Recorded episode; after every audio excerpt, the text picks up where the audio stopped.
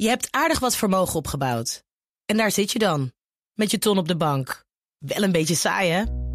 Wil jij, als belegger, onderdeel zijn van het verleden of van de toekomst? Bridgefund is een slimme fintech die een brug slaat tussen de financiële behoeften van ondernemers en van beleggers. Dus wie belegt bij Bridgefund krijgt niet alleen een mooie vaste rente, maar brengt ook ondernemers in beweging. Echt waar, met die ton kan je zoveel betere dingen doen. Bridgefund. Make money smile. BNR Nieuwsradio. The Big Five. Diana Matroos. De provinciale statenverkiezingen van 15 maart zijn dit keer extra spannend. Eén, omdat de provincies cruciaal zijn voor de uitvoering van de lastige dossiers waar Rutte 4 voor staat. En twee, omdat we natuurlijk indirect stemmen voor de Eerste Kamer. In BNR's Big Five van de lijsttrekkers voor die Eerste Kamer praat ik erover, over dat politieke machtsspel met vijf kopstukken waar we weliswaar niet op kunnen stemmen, maar waar de campagne dus wel om draait. Vandaag doe ik dat met Paul van Menen. Hij is lijsttrekker voor deze 66 bij de Eerste Kamerverkiezingen. Maar uh, nu nog uh, Tweede Kamerlid. Hè. Hij zwaait bijna af. Ja, ja. Uh, nu nog onderwijswoordvoerder voor die partij. Maar nou ja, het is nog een, een kwestie van een, nou ja, twee maandjes, denk ik. Drie. Drie? Ik, ik ben van plan om op 6 juni afscheid te nemen in de Tweede Kamer. Ja, welkom uh, Paul. Fijn dat je er uh, bent. En voor Ja, de mensen leuk. die denken, wil toch nog iets meer weten over uh, Paul. Van huis uit was je wiskundedocent. en heb je ook mede de kanon van Nederland bedacht. Zeker, dat, was, dat is alle, allebei prachtig om te doen. Het eerste heb ik heel lang gedaan. Ik ben inderdaad, dat leek mij het mooiste beroep wat er bestond toen ik heel jong was. En dat is het ook. dus ik ben lang leraar geweest, ben ook rector, bestuurder geweest.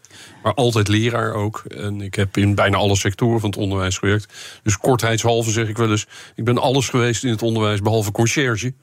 Want dan moet je namelijk echt iets kunnen. Uh, nou, vind maar, ik ook. Vind jawel, ik ook. Ja, zeker. zeker, zeker. Die zijn altijd. Uh, ja, iedereen kent zijn eigen ook. conciërge nog. Nou, hè? inderdaad. Ja. Ja. wij, wij, organiseren ook de conciërge van het jaarverkiezingen in heel veel gemeenten. Als D66-fracties. En dat is eigenlijk een van de mooiste dingen om te doen. Dus voor alle, Ja. ook voor kinderen, vaak de belangrijkste figuur op school. We gaan straks helemaal de diepte in rond de campagnethema's, namelijk die ook voor jullie uh, van belang uh, zijn. Maar voordat ik dat ga doen, wil ik twee dingen van je weten. En het eerste is: wordt BBB echt een hele grote partij, denk je? Zometeen na de Nou verkiezingen. ja, dat vind ik moeilijk te zeggen. Ik heb gisteravond ook gezien wat de, wat de peiling is. En dat zal een beetje per provincie verschillen. Maar je ziet een, eigenlijk denk ik een verschuiving... wat vorige keer de Forum voor Democratie was. Dat, dat werd een grote partij. Dat lijkt nu voor een deel naar de BBB te gaan. Dus een van de opdrachten is ook om het niet te groot te laten worden. Maar daar komen we later wel op waarom dat toch uh, risicovol is. Maar goed, het zou, het zou kunnen in bepaalde provincies, ja. Ja. Uh, het tweede is, uh, je bent uh, hoogstpersoonlijk door Pechtold jaren geleden naar de Haagse Arena gebracht. Hè, de Tweede Kamer dan weliswaar, ja. omdat je ook bijzondere dingen hebt gedaan in Leiden. Daar gaan we het zo meteen ook wel over hebben. Maar hij moest je er echt heen sleuren, heb ik begrepen van mijn collega's. Ja. Hoe, hoe is het dan om daar te stoppen? Want het is natuurlijk, je blijft wel in Den Haag, maar het is wel een arena op zich natuurlijk, die Tweede Kamer. Ja, ik, ik was al tien jaar gemeenteraadslid en hij was natuurlijk, hij was, hij was ook in Leiden, was hij wethouder. Hij ging naar Den Haag en hij wilde ook daar dat het over onderwijs zou gaan en dat we daar iemand zouden hebben die ook nog eens een krijtje had vastgehouden. Nou, dat was ik dan. Uh, maar ik, ja, ik was gemeenteraadslid en ik, en ik werkte in het onderwijs. Vond ik eigenlijk een mooie combinatie. Ik was eigenlijk nooit van plan om van de politiek mijn werk te maken. Ik wilde ook geen wethouder worden. Had makkelijk gekund toen we ja. in 2010 de grootste werden. Maar goed, hij heeft wel de nodige overtuigingskracht. En anderen ook. Dus uiteindelijk dacht ik, als ik echt, echt veel betekenis wil hebben voor met name die meest kwetsbare kinderen. Dan moet ik het ook doen. En ik moet zeggen, vanaf de eerste dag paste het me als een oude jas. Dus ik mag en hoe hebben. is het dan om die oude jas uh, weg te doen? Nou, dat vind ik echt ja. wel moeilijk hoor. Kijk, ik vind het mooi. Ik ben 67 inmiddels. Ik ben eigenlijk al met pensioen. Ik kan, ik kan ook gaan vissen. Maar ik, ik blijf liever me inzetten voor, uh, voor onze idealen van D66. Mhm. Maar ook voor mijn eigen idealen. We hebben heel veel te verdedigen in het regeerakkoord. Veel te bereiken, ook op onderwijs. Maar ook op tal van andere vlakken. Dus dat wil ik heel graag doen. Dus ik ben blij dat ik het mag doen. Maar het doet me echt wel pijn. En met name om afscheid te nemen van, van al die mensen. Ja. Maar ook van die, die hele dag bezig zijn hiermee. Dat heeft iets heel verslavends. En ik Ik voel me er heel gelukkig bij. Zijn ook mensen die worden er dood ongelukkig van. Ja, ik, ik, ik, loop ook wel eens in Den Haag rond. En dan denk ik, oh, ik ben blij dat ik hier... Ik vind het heel mooi. Uh, Maar ik ben altijd blij dat ik er dan niet dagelijks rondloop. Want het is wel echt verslavend en Klopt. heel heftig Nou, ook. ik- en heel polariserend ook op dit moment. Zeker. Nou, ik heb een tijd geleden voor mijn eigen fractie en onze medewerkers, heel veel jonge, goede mensen, een cursus gegeven. Hoe word je gelukkig oud in de politiek? Want het is mij wel gelukt. Ik ben nog steeds een gelukkig mens. Nou, het zijn tien tegeltjes wijsheden uit mijn leven. Ik zal ze hier niet allemaal herhalen. Maar de eerste is wel om te proberen gelukkig te zijn buiten de politiek. Dus dat ook niet kwijt te raken. Dat is, dat is het grootste risico van Ja. die verslaving. Dus dat je niet meer de aandacht hebt voor de mensen waar, het, waar je geluk eigenlijk uiteindelijk echt van afhangt. Nu dan naar jouw eh, nou, nieuwe positie als lijsttrekker voor de Eerste Kamerverkiezing eh, voor D66. We weten allemaal dat die provinciale staten toch ook daar eh, om draaien. hè. Dus daarom hebben wij ook een line-up met vijf lijsttrekkers voor die Eerste Kamer. Wat staat er nou op het spel bij die aanstaande verkiezingen, ook gerelateerd aan de Eerste Kamer? Ja, ik geloof dat we er straks nog op komen of er nou op het spel staat die keuze tussen links of rechts. Nou, dat is niet het geval. Nou ja, laten ogen. we, laten we het maar meteen maar wat- eh, bij de kop pakken. Nou ja, wat op het spel staat is: komt dit land tot stilstand? Hè? Gaan we nog huizen kunnen bouwen? Gaat de natuur weer zich kunnen herstellen? Gaan we echt klimaatmaatregelen nemen? Gaan we eh, investeren in kansen van jonge mensen? Allerlei zaken die ook in het regeerakkoord zijn opgenomen. En die verder moeten om dit land verder te helpen. Maar er is, en dat komt met name van de rechterzijde een soort. eh, dus terwijl, ik, ik vergelijk de VVD wel eens met iemand die de straat oversteekt. en dan alleen naar links kijkt. en vervolgens door rechts, van rechts door een bus wordt aangereden. Dat is een bus die wil alles blokkeren. Hè, dus van uiterst rechts. En dat dreigt nu te gebeuren. Die bus die dreigt gewoon geparkeerd te worden daar midden in de Eerste Kamer. En al die doelen die ik net noemde, en er zijn er nog veel meer. die dit land verder zullen helpen, vooruit. Ja. Die dreigt. hè, Dus we dreigen gewoon tot stilstand te komen. Ja, dus dat, dat is eigenlijk. eh, er staat echt iets op het spel. En dat Zeker. geeft ook de macht aan van de provinciale staten en van de Zeker. Eerste Kamer, eh, indirect waar we eh, op stemmen. Eh, dan refereer je eigenlijk vrij snel ook aan die aanval van eh, Rutte eh, samen met Schippers, hè, dus VVD op links. Waar daar natuurlijk ook de focus heel erg ook eh, daarop gaat eh, zitten, op die tweestrijd. En uit eh, de cijfers van INO Research blijkt, die altijd natuurlijk nou ja, peilingen doen, en, eh, dat, dat eigenlijk de steun voor D66 een beetje afkalft. En ja, je gaat nu een beetje met je, met je lipje Lachen. Ik ja, lach- lachen ik- of ik niet lachen. lachen nee. Nou, Nou, maar, maar het is natuurlijk wel een beetje een probleem voor jullie dat daar de aandacht zich op focust. Als je Nou, als- kijkt hoe jullie je moeten profileren. Nou, kijk, nog even los van de vraag of dat een probleem voor, eh, voor D66 is. Kijk, wij staan stabiel. Onze campagne moet bij wijze van spreken nog beginnen. Dus we hebben nog een hele, hele tijd te gaan tot de verkiezingen. Het klinkt gek. Maar, maar de meeste, Jullie, me- jullie de hebben nog even gewacht. Nou, nou, je moet niet te vroeg eh, pieken, laat ik het zo zeggen. Ja. Dus er komt nog heel veel aan. We zullen nog heel veel doen om mensen duidelijk te maken... waarom het zo ontzettend belangrijk is dat we wel vooruit gaan. Mhm. Maar het grootste risico is is van die gezochte tegenstelling. Want dit is, een, dit is een tegenstelling die gezocht wordt met partijen waar je eigenlijk voortdurend mee wil samenwerken. Wat constructieve, progressieve partijen zijn. Waar we ook nu de afgelopen jaren al de samenwerking voortdurend mee vinden. Mhm. Dus dat is een gezochte tegenstelling. Om het maar niet te hebben over wat er dus van, eh, van eh, uiterst rechts komt. Ja, en, dus dat is een vluchtroute van de VVD, moeten ze vooral doen. Ja. Maar wij, de kunst voor ons is om erop te blijven wijzen wat het grote risico van juist die uiterst rechtse kant is, namelijk totale stilstand. Dat al Maar die- eigenlijk is dat dus ook een tweestrijd. Hè? Want eh, de Kaag zegt ook, eh, nou ja, die tweestrijd eh, die VVD en PvdA GroenLinks aangaan, ja, dat heeft niet zoveel zin. Daar kom je geen meter verder mee. Maar jullie doen dat eigenlijk wel naar die, ehm, nou ja, partijen zoals BBB, Ja 21, mag ik het zo eh, samenvatten? Forum voor Democratie. En Vormen voor Ja, Democratie. kijk, dus dus ja. jullie doen dat ook eigenlijk, hè? Die Ja, maar dat is, een, dat is een reële tegenstelling. Dat is echt een tegenstelling. Dat is ook een tegenstelling voor een deel natuurlijk met de VVD. Hoewel de VVD en het CDA nu Mhm. ook in de provincies flirten met die partijen. Nou, we hebben dat allemaal gezien wat dat in 2010 eh, opgeleverd heeft bij het eerste kabinet Rutte. Ja. Ook complete stilstand, afbraak van de rechtspraak, afbraak van het onderwijs, afbraak van allerlei voorzieningen in ons land. Dat dreigt opnieuw, ook in die provincies. mijn fractievoorzitter Jan Paternotte heeft de afgelopen week een rond, rondtour gemaakt langs, langs 12 bouwlocaties in Nederland die inmiddels stil liggen vanwege stikstof.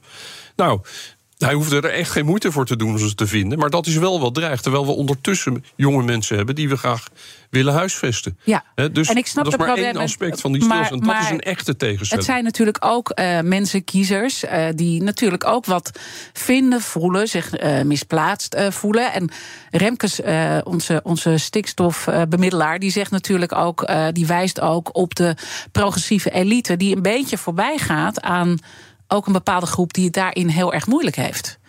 Ja, nou ja, ik weet niet of, of, of ik dat dan ben, uh, van de progressieve elite. Ik ben wel progressief, maar ik ben bepaald niet van de elite. nou, dat is wel een beetje Helemaal soms... niet. Ik heb nee. wel een pak aan, maar dat is alles Zo kom je ook helemaal niet op me over, maar dat is natuurlijk wel een beetje ook uh, wat, wat D66 over zich heen heeft. Hè, als een soort, soort... Nou, we komen misschien nog straks in Leiden. Uh, ik, ja. Kijk, politiek, je kunt alleen maar iets in de politiek bereiken... door met anderen samen te werken. Mm -hmm. alleen ben je niets. En dat is ook een zegen in dit land. Hè. Ik zit nu tien jaar in de Tweede Kamer. Al die tijd hebben de kabinetten nooit een meerderheid gehad in de Eerste Kamer. Dus dat betekent per definitie dat je moet samenwerken. Dat is ook heel gezond. daar worden dingen beter van. Daardoor krijgen ze een breder draagvlak. Maar dat kun je alleen maar doen met partijen die ook werkelijk bereid zijn om samen te werken. die ook werkelijk een programma hebben wat erop gericht is om vooruit te gaan. Maar er zijn ook partijen in Nederland die het liefst de situatie, alle problemen die we hebben, laten zoals ze zijn, omdat dat de voedingsbodem is voor hun uh, ja, programma, zal ik maar even zeggen. En daar zit wel echt een probleem. Een groot verschil. En, je moet, en dat, dat neem ik de mensen die daarop stemmen totaal niet kwalijk. Sterker nog, daar reik ik de hand naar. Maar, maar hun leiders, dat zijn mijn collega's in de Kamer. Neem bijvoorbeeld Forum voor Democratie. Nooit in de Kamer niks, nooit iets steunen wat kan helpen om mm, iets op te maar lossen. Maar Caroline van der Plas natuurlijk wel. Dat is, die, maar die, dat is ook anders. Ja. Als ik moet kiezen, blijven de zetels bij Forum voor Democratie... of gaan ze naar Caroline van der Plas? Doen ze dan zeker naar Caroline van der Plas. He, daar, dat is echt, dat is soms ook in die, in die rechterhoek... daar echt een uitzondering, ook als het gaat om sociaal beleid. Kijk, we gaan zien wat ze er allemaal van waar uh, gaat maken... maar daar is wel in zekere zin op een aantal onderwerpen mee samen te werken. Daar ben ik van overtuigd. The Big Five. Diana Matroos.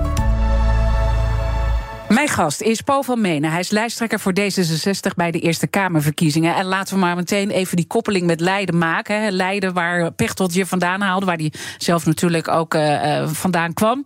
Uh, en waar je ook bijzondere dingen hebt gedaan, die je volgens mij ook wil aanpakken in de Eerste Kamer. Want we weten allemaal dat de druk op de Eerste Kamer gewoon gaat toenemen. Ook van een toenemende machtsvraagstuk. En wil je dan die polarisatie uit Den Haag Tweede Kamer voorkomen daar? Is dat, dat waar je op uit kortweg komt het daar wel op neer. Misschien even over Leiden. Ik ben daar dus vanaf 2002 totdat ik naar de Kamer ging in 2012... ben ik mhm. daar fractievoorzitter van D66 geweest. Overigens kwam ik in de politiek doordat Pechtold gewoon mijn buurman werd. Dat kan iedereen overkomen, maar aan mij overkwam het. Uh, goed, dat is, daar kan ik op zich al een ochtendje over vertellen. Dat gaan we nu niet doen. Maar wat je in Leiden zag, was eigenlijk wat je nu ook in Den Haag ziet. Een, nou, ik noem het toch maar even een verrotte bestuurscultuur. Ja. He, mensen, Jullie stonden in de top drie van minst bestuurbare steden van het land. Zo is het. He. En, en, wat betekende dat? Het ging er alleen maar om. Het was heel erg naar binnen gericht. Mm hoe krijgen we de volgende wethouder weer ten val? Uh, meerderheden alleen zoeken in de raad en nooit naar draagvlak in de stad zoeken. Voor allemaal op zich mooie, uh, mooie plannen. Kortom, alleen maar politiek spel, machtsspel. Totaal geen samenwerking tussen oppositie en coalitie. Het was vier jaar lang gescheiden. Er lag een telefoonboek met afspraken na een paar weken na de verkiezingen. Uh, en dat was het dan weer. En, dan, en, en, burgers hadden niks meer te vertellen. Maar de raad dus ook niet. Nou, wij. Uh, ik ben en een hele giftige sfeer kan ik me ook zo voorstellen. giftig, hè? Maar dus geef eens een voorbeeld hoe giftig het werd. Nou, het, hetzelfde als wat je ziet in de, in, de, in de Tweede Kamer. De ene motie van wantrouwen naar de andere. Het lost allemaal helemaal niks op. De stad die was mm aan, het, gewoon aan het verkommeren. Terwijl er allerlei uitdagingen waren op het gebied van wonen. Op het gebied van bereikbaarheid, gezondheid, noem het allemaal maar op. En eigenlijk waren we het er met z'n allen van over eens dat het uh, anders moest. En in de verkiezingen richting 2010, toen was ik lijsttrekker, toen heb ik gezegd: hier moeten we het een keer over hebben. Dus ik heb daar, ik heb gezegd, laten we het echt proberen helemaal anders te doen. He, niet het automatisme van de verkiezingen zijn geweest. We gaan bij elkaar zitten. We schrijven met een meerderheid. Partij van de Arbeid was altijd de grootste. Die zocht een paar partijen op. En we schreven weer zo'n telefoonboek met afspraken. En alles lag weer voor vier jaar vast. En er werd niets van gerealiseerd. Laten we het anders doen. Dus na de verkiezingen, toen wij de grootste werden mocht ik het initiatief nemen en heb ik gezegd: ik wil nu eerst dat we met elkaar, met alle partijen gaan praten over hoe we die stad anders gaan besturen. We gaan nog helemaal niet zeggen wie, wie met wie. Gewoon in elkaar, met elkaar Gewoon in met elkaar. Met, met het lijkt eigenlijk basis, partijen. maar ja. Je zou zeggen, ja. En dat is heel goed uh, gelukt. Hè. Dus een paar aspecten daarvan. Uh, we gaan een uh, akkoord schrijven op de inhoud van maximaal één A4'tje... waardoor er heel veel ruimte komt voor de raad, voor burgers. En dat hebben we ook gedaan. 1 A4'tje, dat is best wel voor een stad van 125.000 inwoners... Ja. Hè, met, met honderden miljoenen begroting. Dat is best wel spannend. En, da- maar we en- hebben het wel en daar gedaan. hou je dan aan. En dat betekent dus per saldo, behalve die paar dingen die op dat A4'tje staan, is het vrij spel. Mensen kunnen zichzelf zijn. Maar je moet wel met elkaar bewaken dat het fatsoenlijk blijft. Er zijn Ja. ook dingen over en ik merk het enthousiasme ook als je erover vertelt. Heeft, heeft het dus ook goed gewerkt? Het werkt tot op de dag van vandaag. Toevallig een paar weken geleden is dat. Wat dan heet dat bestuursakkoord is weer opnieuw gesloten. Waarin dus alle partijen, in de, in, nu ook in de. Leidse gemeenteraad... weer opnieuw voor de vierde keer zeggen... zo willen we met elkaar omgaan. Er is sinds die tijd, en dat is wel bijzonder... we zijn nu eh 13 jaar verder... is er geen wethouder meer gevallen. ja, zeker bijzonder. En er is Ja. ontzettend veel als je wel eens in Leiden komt. Ik nodig je van harte uit.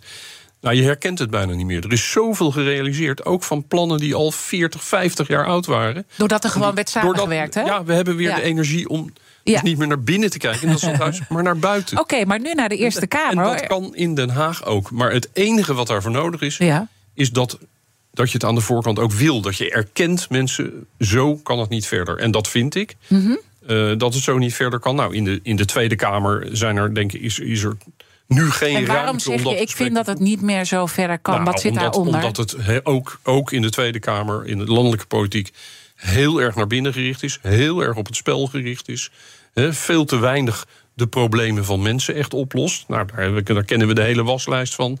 Eh, En dat is wel wat mensen van de politiek verwachten. nou dat ja, en ook de voorbeeldfunctie die politici ook geven Ook naar dat. eh, het volk. Hè? Nou, ik, bedoel- ben wel eens eh, Kamervoorzitter. Hè. Ik ben dus, en ik ben natuurlijk ook een schoolmeester, dat kan je dan zien. Ik vind dat echt hè, dat, je, dat, je, dat je heel erg op moet letten op die voorbeeldrol. Dus ik sta dat ook niet toe. dat, er, dat, hè, dat, dat er onfatsoenlijk gesproken wordt. Mhm. Dat het er op de persoon- gaat. Ja. Dat het beledigend of discriminerend wordt. Dat sta ik gewoon niet toe. Daar heb ik vaak. Mhm. Nou ja, daar krijg ik waardering voor, maar ook, ook net zo goed heel veel eh, eh, shit over me heen. Nou, zo so be it. Maar dat is ook een beetje de leraar in mij. Maar ook op dat vlak, hè, dus je spreekt met elkaar af, dat hebben we dus in Leiden ook gedaan.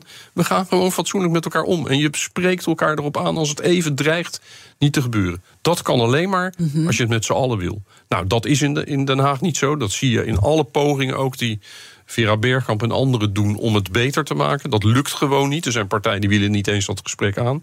Nou, de Eerste Kamer is een nieuwe kans. Daar is het allemaal nog niet zo. eh, Nee, maar ja, je voelt erg. natuurlijk wel aan alles aankomen dat die druk, omdat de, ja, die Eerste Kamer nu over hele belangrijke dossiers ook eh, moet gaan eh, beslissen. Of in ieder geval, hè, want uiteindelijk zijn ze ervoor om de wetten te toetsen en Ja, daar te kijken hoe je verder komt. Dus we kunnen allemaal aanvoelen dat die druk gaat toenemen. En dat merk je ook. Ik bedoel, ik zat naar het televisieverkiezingsdebat eh, te kijken. Nou, je was Ja. er ook bij. Zeker. Ik, ik, ik vond het moeilijk om er naar te kijken. Ja, nou ja, ik, ik zat natuurlijk zelf toon in. Maar vond ik, echt. eh, Nou, dat was af en toe ook, eh, ook heel erg, ja. Dus ik, ik zeg ook niet dat dat al in de, in de Eerste Kamer allemaal vanzelf wel gaat. Nee, daarom. Maar je zou het in ieder geval moeten proberen met alle Hoe ga je partijen dat die dat aanpakken? willen. Nou ja, wat ik wil doen is eh, gewoon, en daar ben ik al mee begonnen... gewoon praten met aanstaande collega's. Van jongens, hoe kijken jullie daar eigenlijk naar? Mhm. La- zullen we eens proberen om meer dat onderscheid tussen het persoonlijke en, en, en de inhoud te maken? En natuurlijk is politiek er ook om inhoudelijke verschillen scherp te maken, duidelijk te maken. Maar het gaat er uiteindelijk ook om hoe je met elkaar omgaat. ja. Ook, En moeten ook jullie als partij daar publiek, hè, dat zelf af- ook iets anders in doen dan? Want dan, dan wil jij we natuurlijk... zullen ongetwijfeld Wat ook moeten jullie anders doen? Nou ja, voor ons geldt precies hetzelfde. Ook wij moeten opletten dat we niet, eh, niet te scherp worden, dat, het, dat we niet beledigen, dat we niet onnodig eh, kwetsen. Dat geldt voor iedereen. Maar in ieder geval, ik heb als in, vanuit mijn rol en ook vanuit die ervaring in Leiden, waar, ik heb, waar je kunt zien wat het ook uiteindelijk betekent voor die stad. Hè, dat, dat mensen, die stad er echt beter van wordt als die politiek zich bezighoudt met die problemen in plaats van Ja. met zichzelf. Dat motiveert mij om dat met mijn collega's te gaan bespreken. En iedereen die daaraan mee wil doen aan dat gesprek. En dat kunnen we al voor, van tevoren doen voordat we gekozen Ja. zijn. Laten we gewoon eens kijken of we het ook anders kunnen doen. Dus je gaat in gesprek, je gaat eh, kopjes koffie eh, eh, drinken met Ja, mensen. zeker. En zullen we het dan nu even over die wipkip hebben? Ik ben, ja, je had het aangekondigd. Ik heb, dat lijkt me hartstikke leuk. Ik ben dol op wipkip. Ik heb drie kleinkinderen, dus Ja. dat is altijd mooi. Maar vertel. Nou, kijk, eh, eh, ik heb me natuurlijk even ook een beetje laten influisteren door eh, mijn collega Lena Beekman, onze Ja, parlementaire verslaggever. En die zei dat jij altijd heel erg geïnspireerd bent geweest door, hij leeft niet meer, maar Aad van der Luit. Ja. Dat je daar het meest Ah. van hebt geleerd.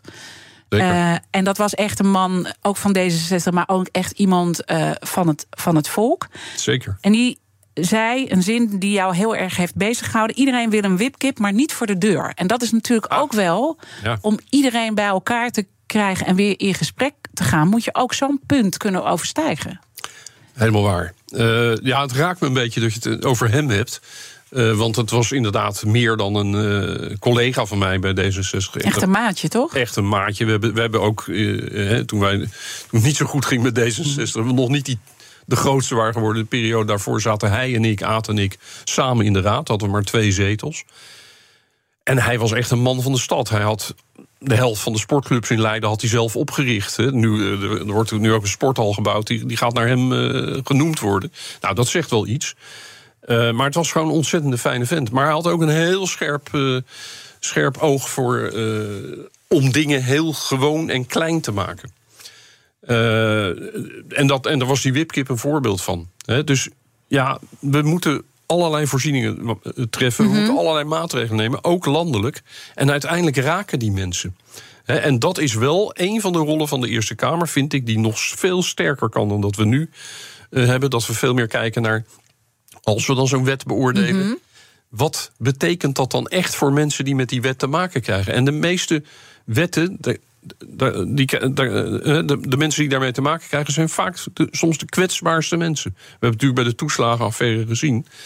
Hè, maar dat is maar één van Ja. de vele voorbeelden. En ik denk En- en- dat je niet alleen moet kijken die- van de belastingdienst Nee. dit uitvoeren. Maar ook, wat betekent dit nou eigenlijk echt voor mensen? Ja. Hè, hebben we nog een beetje compassie met mensen? Nou, we hebben toevallig net een voorstel... eh, in Amsterdam is er door de D66-fractie een voorstel Mhm. gedaan... om mensen een fout te kunnen laten maken... zonder dat ze meteen afgestraft worden. Als het bijvoorbeeld gaat om uitkeringen.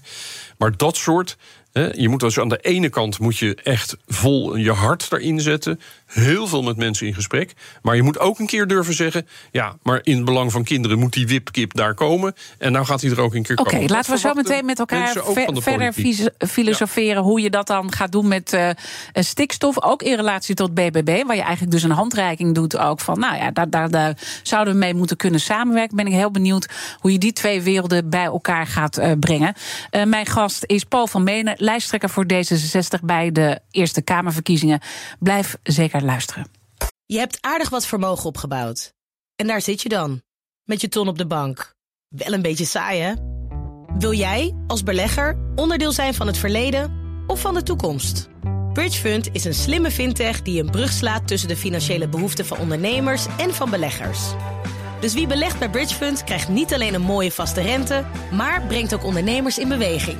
Echt waar, met die ton kan je zoveel betere dingen doen. Bridgefund. Make money smile. 30 mei, Unlocked. Het event dat de deur opent naar Composable Commerce. Unlocked is exclusief voor groothandels, brands en retailers. Gratis aanmelden, kega.nl.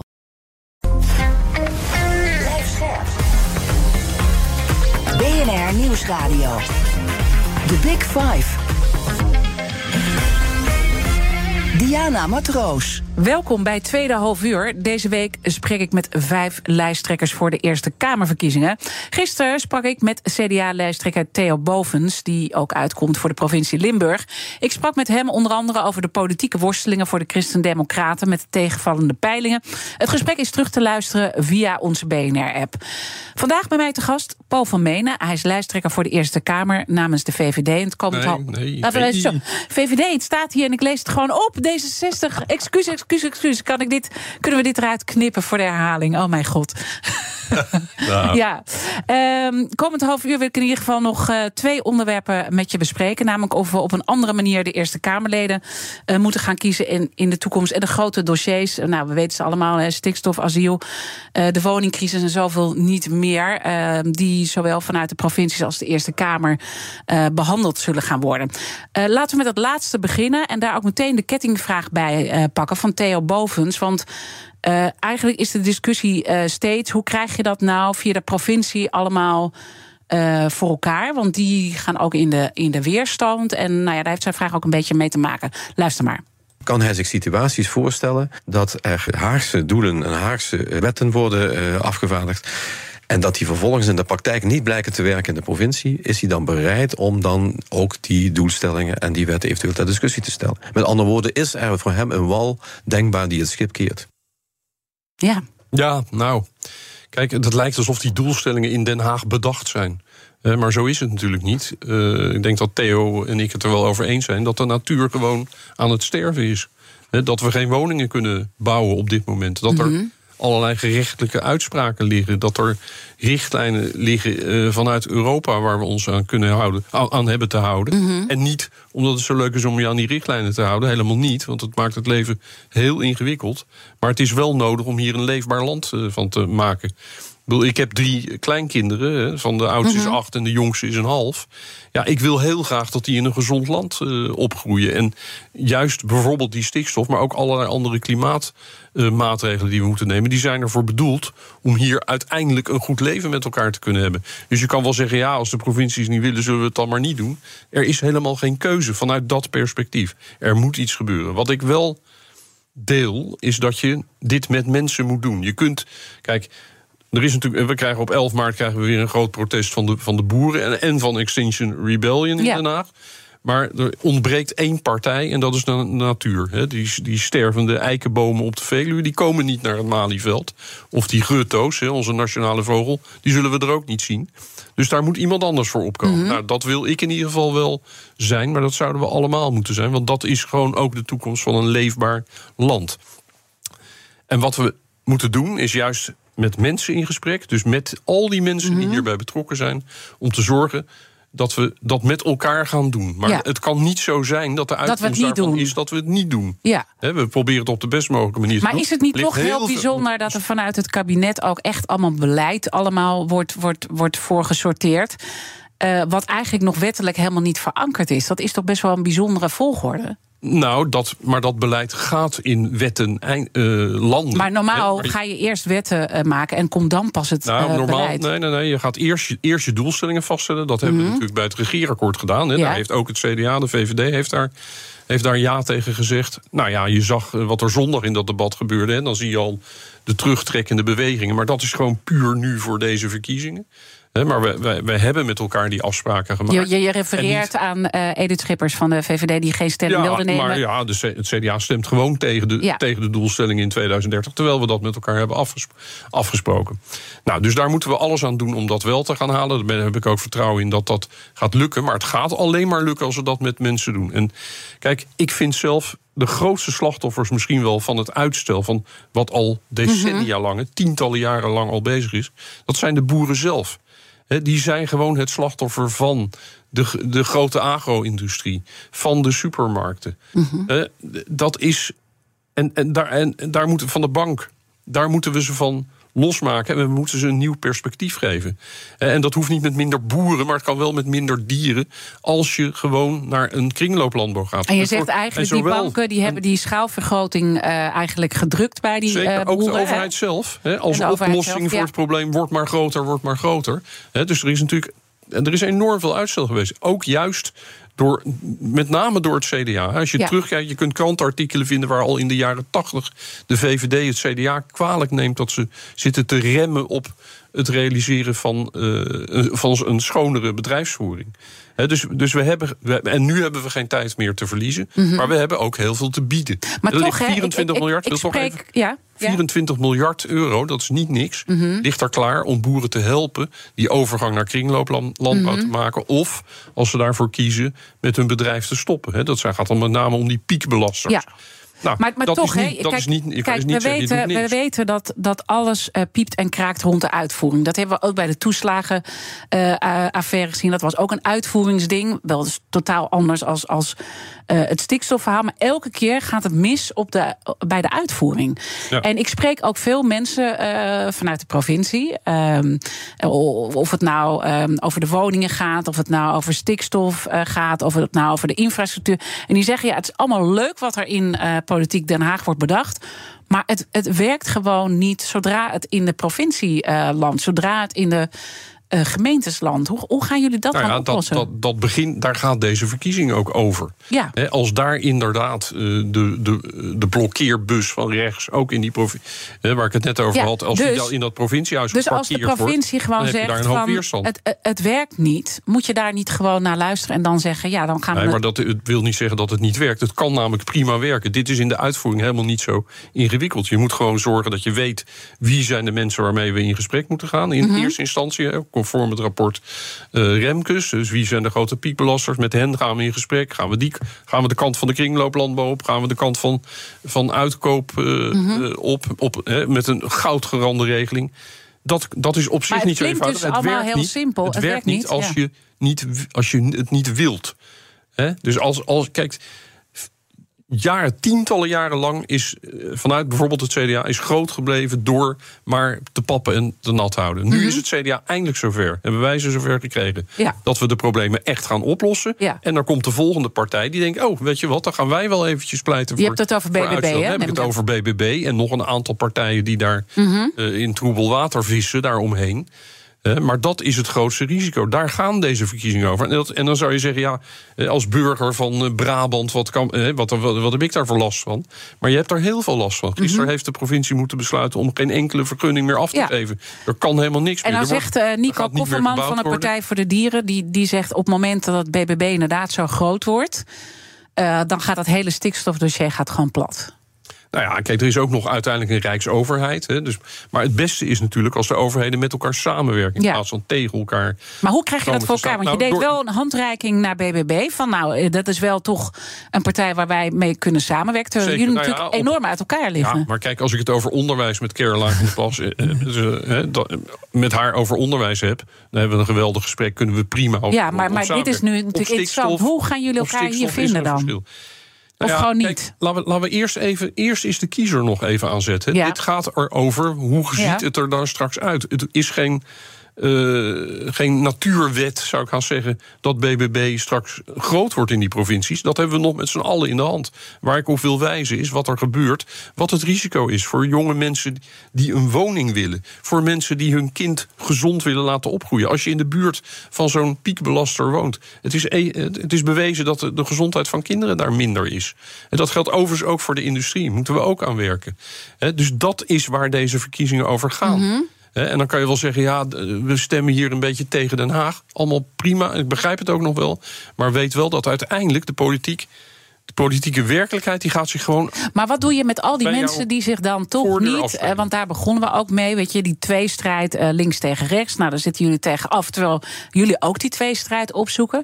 Eh, hoe, hoe krijg je die mensen nou mee? Want er zijn zoveel mensen die gewoon ontevreden zijn met hoe het, hoe het gaat. Ook hoe het in Nou ja, politiek Den Haag de afgelopen jaren is gegaan. Ze voelen zich niet vertegenwoordigd. Ja, door dit allemaal te vertellen. dit, dit- is de verkiezingscampagne. Maar verkiezingscampagne is niet iets van we gaan nu weer mooie praatjes ver- verkopen. Nee, we hebben echt. De afgelopen jaren hebben we onze verantwoordelijkheid genomen. We hebben een regeerakkoord gesloten. We doen wat we beloven, met alle weerstand die daarbij is. Dat is waarvoor, waarom ik hier zit. Hè, Om mensen te overtuigen van let op, jouw toekomst, die van je, van je kinderen, van jouw kleinkinderen, van mijn kleinkinderen, staat op het spel. Mhm. Maar je moet ook zorgen naast dat je die- voordeur, niet Ja, in Den Haag. zeker. Mhm. In Den Haag zal het allemaal wel loslopen met de stikstof. Hè, Dit gaat over mensen die juist op dat platteland wonen. Dit gaat over de toekomst van die boeren. Als dit allemaal geblokkeerd wordt, dan modderen we verder door. Maar het probleem wordt niet minder. De natuur, Mhm. Maar jullie praten natuurlijk ook met die boeren... en, en merken dan Zeker. ook dat het, dat het gewoon heel moeilijk is, toch, die gesprekken? Nou, met heel veel boeren is dat gesprek heel goed te voeren. Mhm. Zeker zola- zolang er geen camera bij is. Hè, want dan komen ook anderen zich ermee bemoeien. Boeren worden ook hè, een beetje Nou ja, dat afschuwelijke door- beeld met die fakkels eh, Ja, dat, richting dat is Kaag. verschrikkelijk. Maar dat, Dus- is, maar dat is eh, gewoon de kaaghaat die bij een aantal mensen heeft postgevat. Dat is gewoon niet normaal. Dat heeft ook te maken, denk ik, met dat ze een vrouw is, dat ze een sterke vrouw is, dat ze ergens voor staat. Er zijn gewoon mensen die worden daar heel erg zenuwachtig van, of ze worden er kwaad van. Het zal allemaal wel. Hè, daar, moet, daar moeten we ook heel erg streng tegen zijn. Veel strenger dan we nu zijn, wat mij betreft. Maar zij wil wel het gesprek aan. Ze is daar wel om in gesprek te gaan. Ja, wat- dat zag je haar ook doen op en- dat maar moment. it takes hè. two to tango. Ja. Ja, Dus- en, dan, dus- en dan toch weer terug eh, eh, naar jouw ervaring met Leiden en wat je dan zegt, dat wil ik gaan inbrengen. De- deze enorme spanning, hoe, hoe, gaan we die, hoe gaan we die allemaal Ja, nou, nou ja, dat heeft er krijgen? dus ook mee te maken hoe wij ons in Den Haag gedragen. Hè, er zijn gewoon in, de, in Den Haag, in de Tweede Kamer, zijn er mensen die bijvoorbeeld het etiket heks op Sigrid Kaag plakken. Die dat gewoon daar zeggen. Ja, dan denken mensen in het land, oh joh, dat zal dan wel prima zijn, dat zal wel kunnen.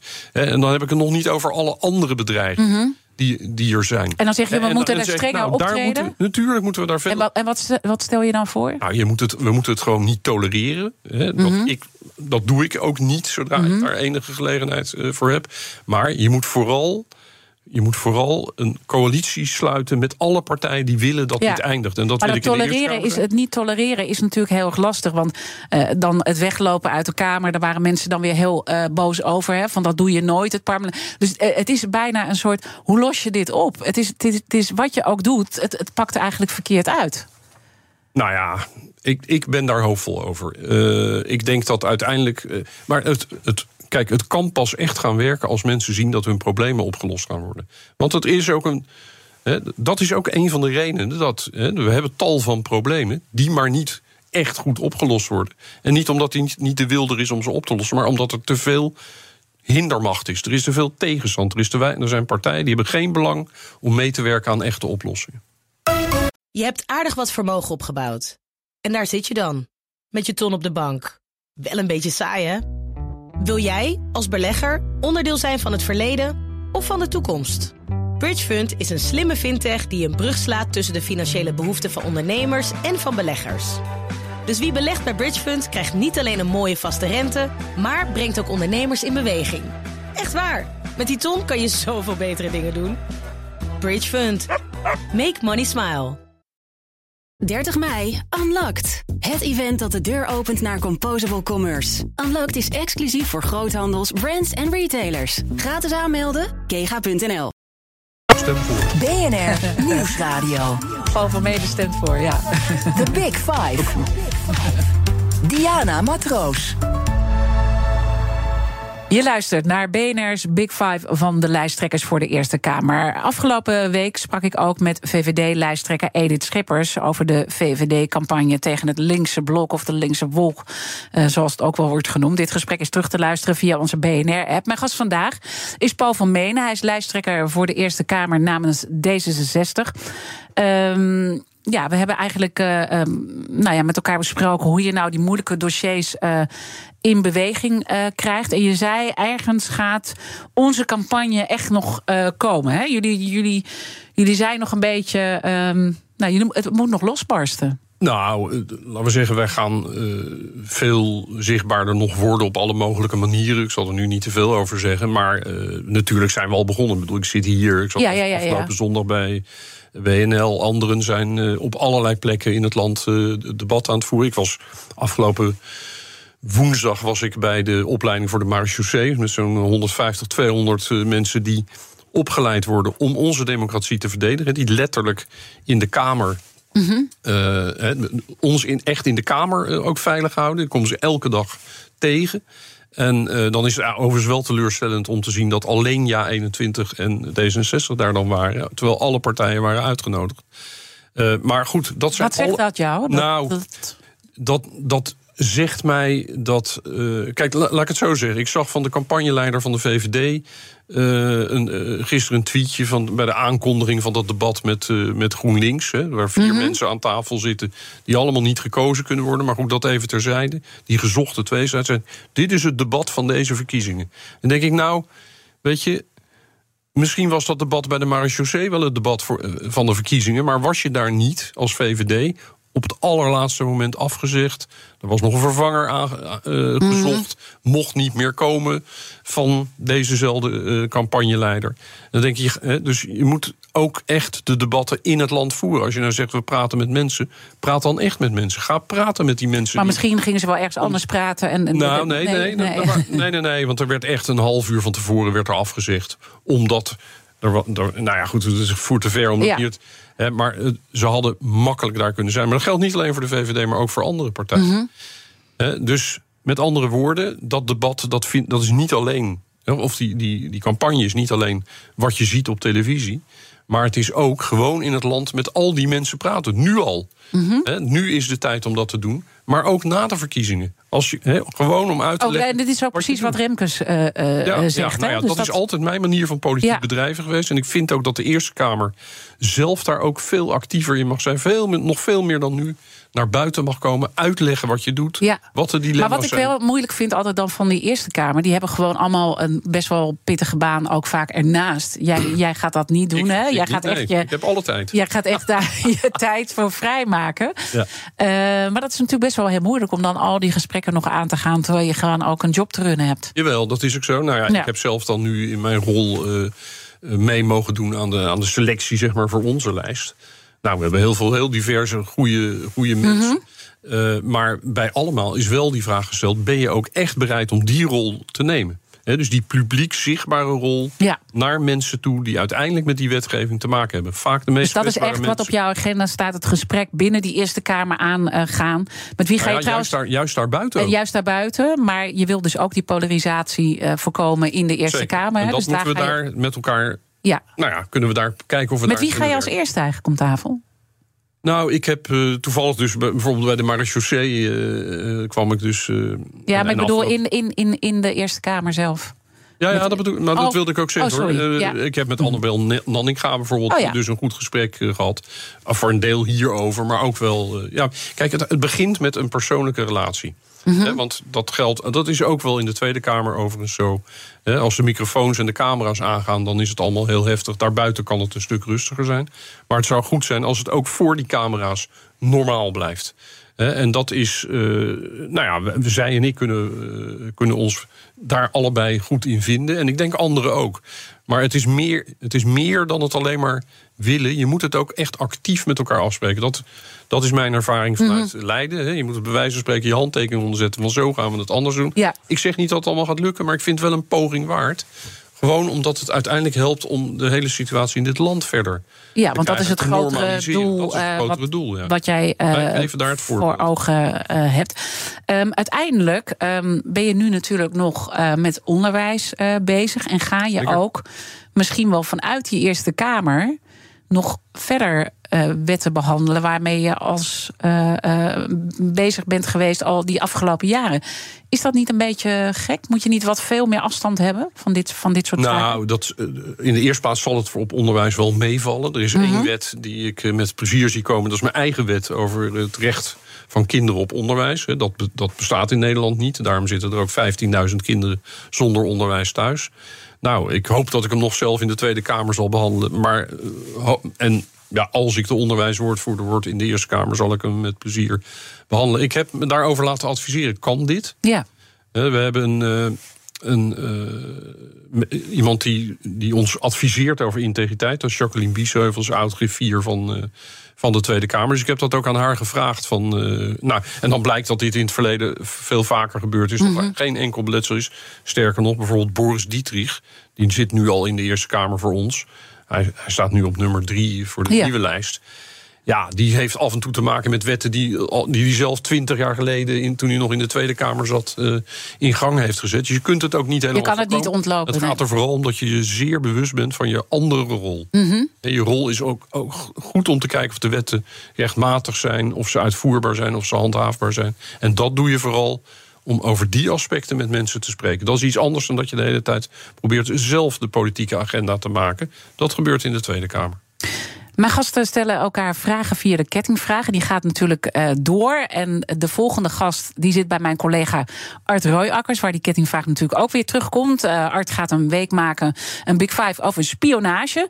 En zijn eerste gast is onderzoeksjournalist Huip Modderkolk. Wat zou je Huip willen vragen?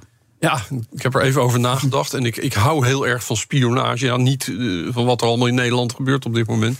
Maar wel van spionageromans, bijvoorbeeld uh, John le Carré, dat soort dingen. James Bond, noem het allemaal maar op.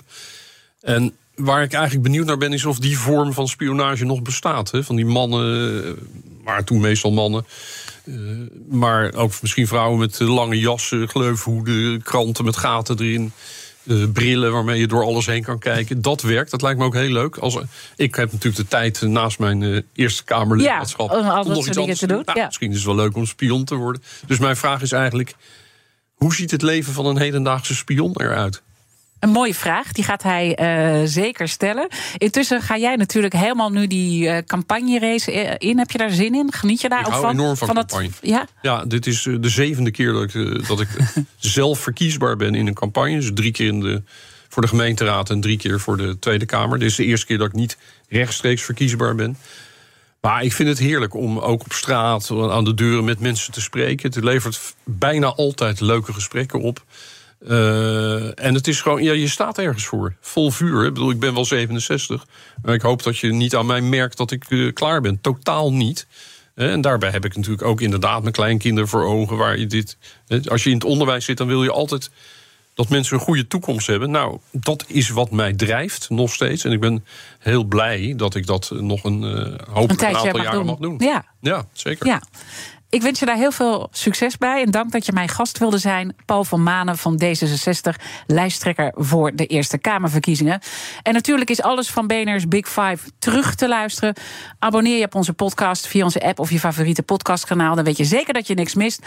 Maar blijf live zometeen Nina van den Dungen met BNR Breekt Politiek. Altijd op de vrijdag uh, te beluisteren.